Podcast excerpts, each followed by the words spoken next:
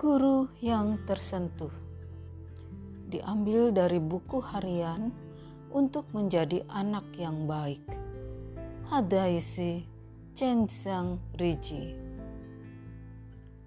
Madame Curie adalah orang Polandia yang merupakan ilmuwan wanita paling terkenal di dunia.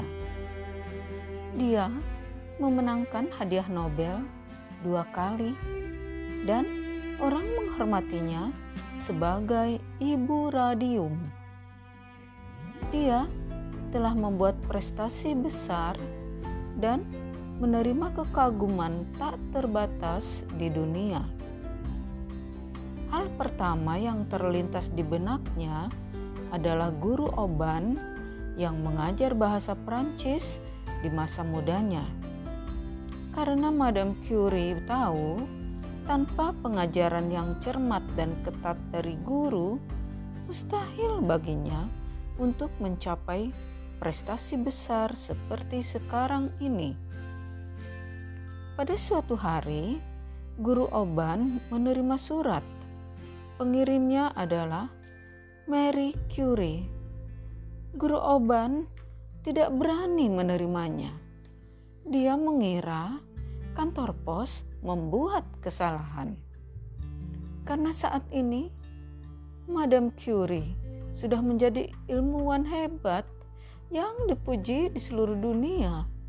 Bagaimana mungkin dia bisa menulis surat untuk guru pedesaan yang tua, miskin, dan tidak dikenal? Guru Oban melambaikan tangan kepada tukang pos dan berkata, "Pak, Anda pasti salah. Tidak mungkin saya dapat surat dari orang yang terkenal." Ketika Pak Pos sangat yakin bahwa benar, dia baru membuka amplop dengan tangan gemetar. Guru Oban berpikir, ini benar-benar luar biasa. Dia kemudian memakai kacamata dengan gemetar. Dia membuka surat itu dan membacanya dengan cermat. Setelah membaca surat itu, air mata kegembiraan mengalir di matanya. Ternyata penulisnya adalah Maria yang merupakan gadis pertama di kelasnya 20 tahun lalu. Dalam suratnya, Curie mengucapkan rasa hormat yang dalam kepada guru Oban, memberitahu gurunya bahwa dia telah terlibat dalam penelitian ilmiah di Prancis dan dengan tulus mengundang guru tersebut untuk menjadi tamu di Paris. Madame Curie juga mengirimkan biaya perjalanan pulang pergi. Guru Oban selesai membaca surat itu, duduk di kursi dengan hampa. Matanya kabur karena air mata. Maria kecil yang lucu dan rajin muncul di hadapannya bertahun-tahun yang lalu. Guru Oban bergumam, "Ternyata aku mendidik ilmuwan yang hebat." Tak lama kemudian, guru dan murid ini bertemu. Nyonya Curie dengan hangat menerima guru masa kecilnya, guru Oban, di rumahnya. Dia pergi ke dapur untuk memasak dan juga bersulang bir dengan gurunya. Setelah makan, dia menemani gurunya berbincang-bincang dengan ramah. Dia membuat guru Oban melupakan semua kendala dan lupa bahwa dia adalah pemenang hadiah Nobel. Pada bulan Mei tahun 1932, Institut Radium Warsawa selesai dibangun. Sebagai pendukung Madame Curie dengan senang hati menerima undangan negara pergi ke Warsawa untuk menghadiri upacara pembukaan. Pada hari itu, banyak orang terkenal dari seluruh dunia berkerumun di sekitar Madame Curie. Di antara mereka ada raja dan ratu, pimpinan banyak negara, ada ilmuwan paling terkenal dari berbagai bidang, dan juga teman serta kerabat Madame Curie. Saat upacara pembukaan akan segera dimulai, terlepas dari semua orang, Nyonya Curie tiba-tiba turun dari podium, memegang bunga melalui kerumunan. Datang menuju ke seorang wanita tua yang menggunakan kursi roda.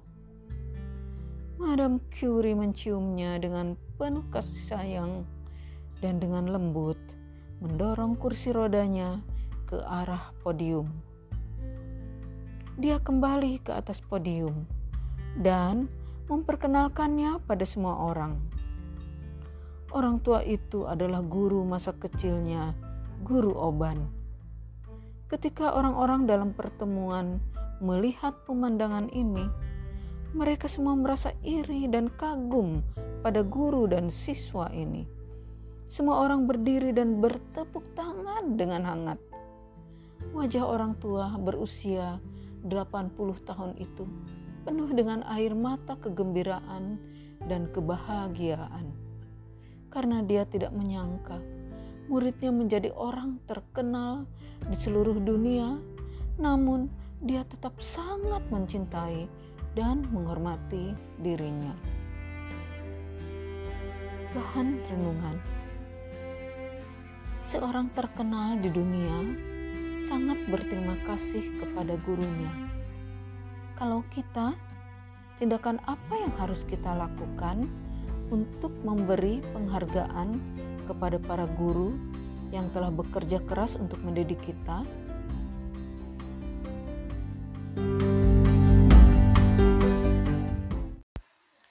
Pagi-pagi sekali, ibu beruang membeli banyak barang, sayuran, kue, dan madu.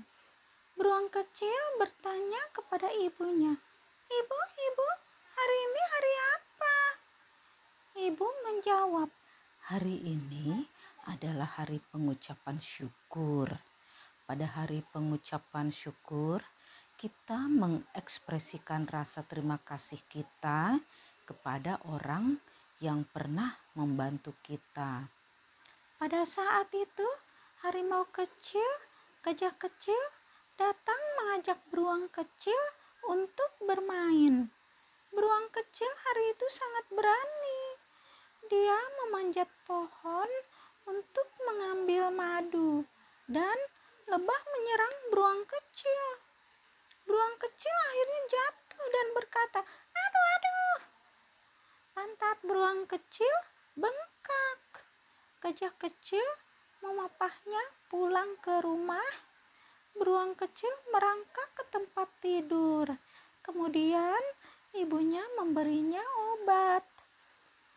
Ibu beruang memberi beruang kecil sepotong kue dan berkata, Anakku beruang kecil, gajah kecil telah membantumu.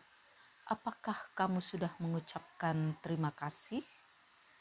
Beruang kecil menjawab, aku lupa. Kemudian beruang kecil menulis surat sambil membacanya.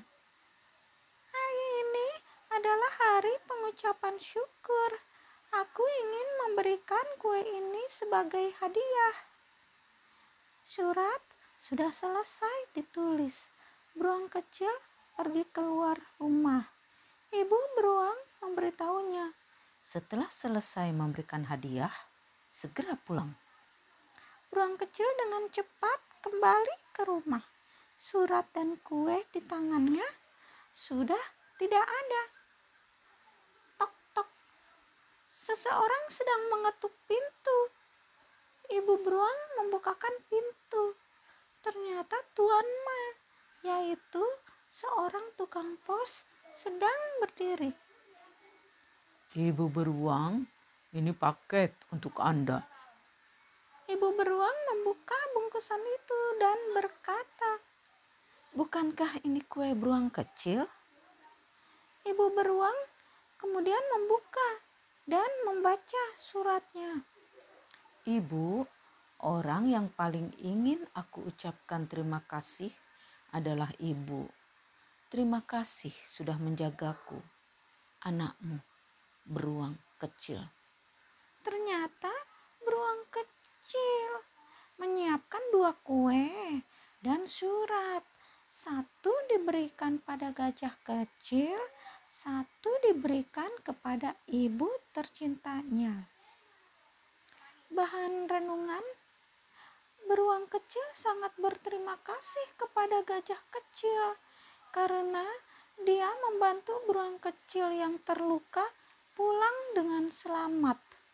Dan beruang kecil juga lebih berterima kasih kepada ibu beruang karena ibu beruang selalu menjaganya, membuat beruang kecil tumbuh dengan sehat di lingkungan yang penuh kasih sayang.